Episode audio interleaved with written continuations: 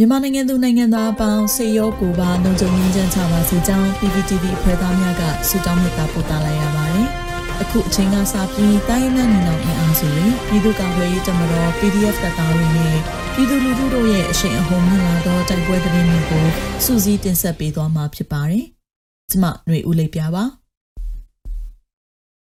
ထမဦးစွာမိုးပြဲမြို့အနီး6ရက်အတွင်းတိုက်ပွဲများတွင်စစ်ကောင်စီဘက်မှ62ဦးသေဆုံးပြီးတန်ကြပ်ကာ2စီးနှင့်ထောက်ပိုစစ်ကား3စီးပျက်စီးတဲ့သတင်းတင်ဆက်ပါမယ်။ရှမ်းကရင်နီအဆက်မိုးပြဲမြို့အနီးတွင်ဖေဖော်ဝါရီလ16ရက်မှစတင်ထိုးစစ်ဆင်လာသောအကြမ်းဖက်စစ်ကောင်စီတပ်နှင့်ကရင်နီပူးပေါင်းတပ်ဖွဲ့များကြား6ရက်အတွင်းတိုက်ပွဲများတွင်စစ်ကောင်စီဘက်မှ62ဦးသေဆုံးကတန်ကြပ်ကာအမြောက်ကား2စီးနှင့်ထောက်ပိုစစ်ကား3စီးကိုဖျက်ဆီးလိုက်နိုင်ကြောင်း ကရင်နီမျိုးသားကာကွယ်ရေးတပ်ဖွဲ့ KNDF ကယနေ့သတင်းထုတ်ပြန်ပါတယ်။ဖေဖော်ဝါရီလ16ရက်မှစတင်ကအကြံဖက်စစ်ကောင်စီတပ်များသည်မိုးပြဲမြို့အတွင်းတွင်တပ်ဆွဲထားပြီးမိုးပြဲမြို့နှင့်အနီးတစ်ဝိုက်လွယ်ရင်းမင်္ဂလာနှင့် White Quise စစ်ကြောင်းမိုးပြဲမြို့မှစစ်ကြောင်းလွိုက်ကော်ဖျားဖြူစစ်ကြောင်းစသည့်စစ်ကြောင်း၃ကြောင်းတို့ဖြင့်ထိုးစစ်ဆင်လျက်ရှိကြောင်းတိုက်ပွဲများအတွင်တန်းဖွဲ့စစ်ကောင်စီတပ်ဖက်မှ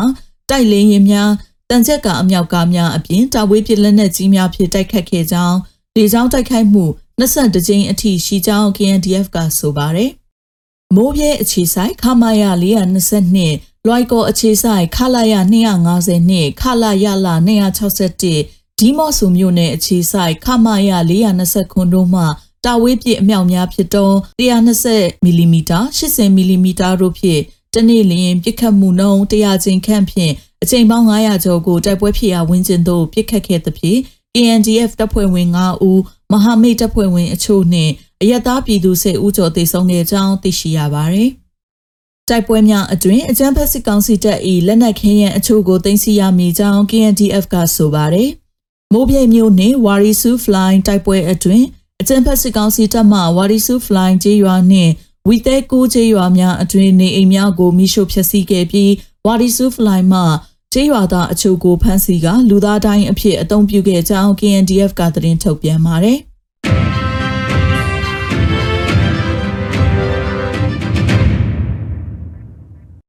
ဆက်လက်ပြီးဖေခုံမျိုးရှိစစ်ကောင်စီတပ်ကို PDF ပူးပေါင်းတပ်များဝင်တိုက်ရာစစ်သား5ဦးထပ်မံတေဆုံးပြီးလက်နက်များသိမ်းဆည်းရမိတဲ့သတင်းတစက်မှာပါ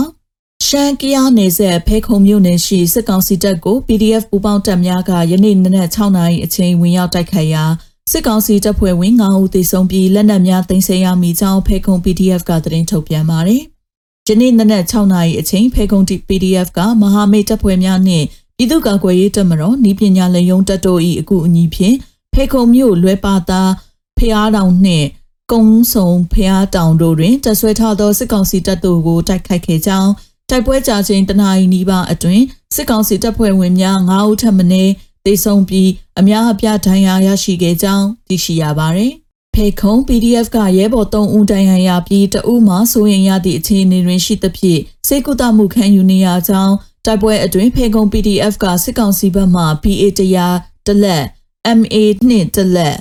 MA 3တလက်ကြီးတချို့နှင့်စစ်သုံးပစ္စည်းများတင်ဆက်ရမိကြောင်းဖေခုံ PDF နှင့်တိုက်ပွဲဖြစ်ပွားခဲ့သောစစ်ကောင်စီတပ်မှတပ်မ55လက်အောက်ခံကလောအခြေဆိုင် ခလာရခုနှစ်ဖြစ်ကြောင်းဖေကုံ PDF ကသတင်းထုတ်ပြန်ပါတယ်။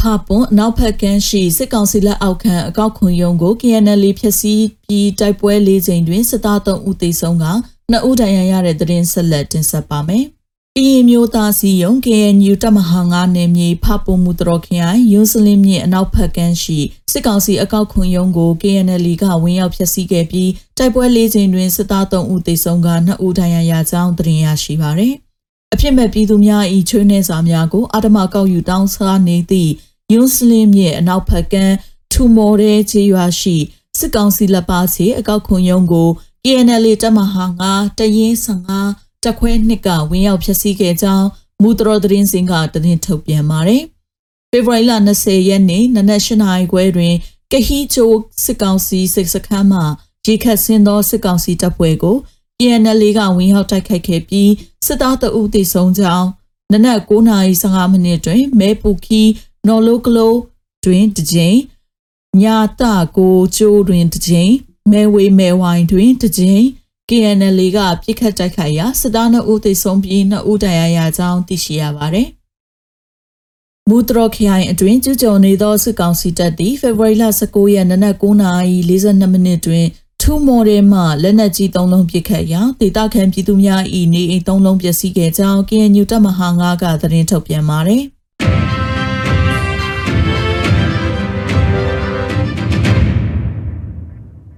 နောက်ဆုံးအနေနဲ့အမျိုးသားညီညွတ်ရေးအစိုးရပြည်ထရေးနဲ့လူဝင်မှုကြီးကြပ်ရေးဝန်ကြီးဌာနက2022ခုနှစ်ဖေဖော်ဝါရီလ22ရက်ရက်စွဲနဲ့ထုတ်ပြန်တဲ့ပြည်သူ့ခုခံတော်လှန်စစ်တရင်ချက်လက်တွေကိုတင်ဆက်ပေးသွားမှာပါ။အာနာသိန်းအကြံဖက်စစ်အုပ်စု၏ပြည်သူလူထုအပေါ်အကြံဖက်ဖိနှိပ်ဖန်ဆီးတိုက်ခိုက်တပ်ဖြတ်နေမှုများကိုပြည်သူတရက်လုံးက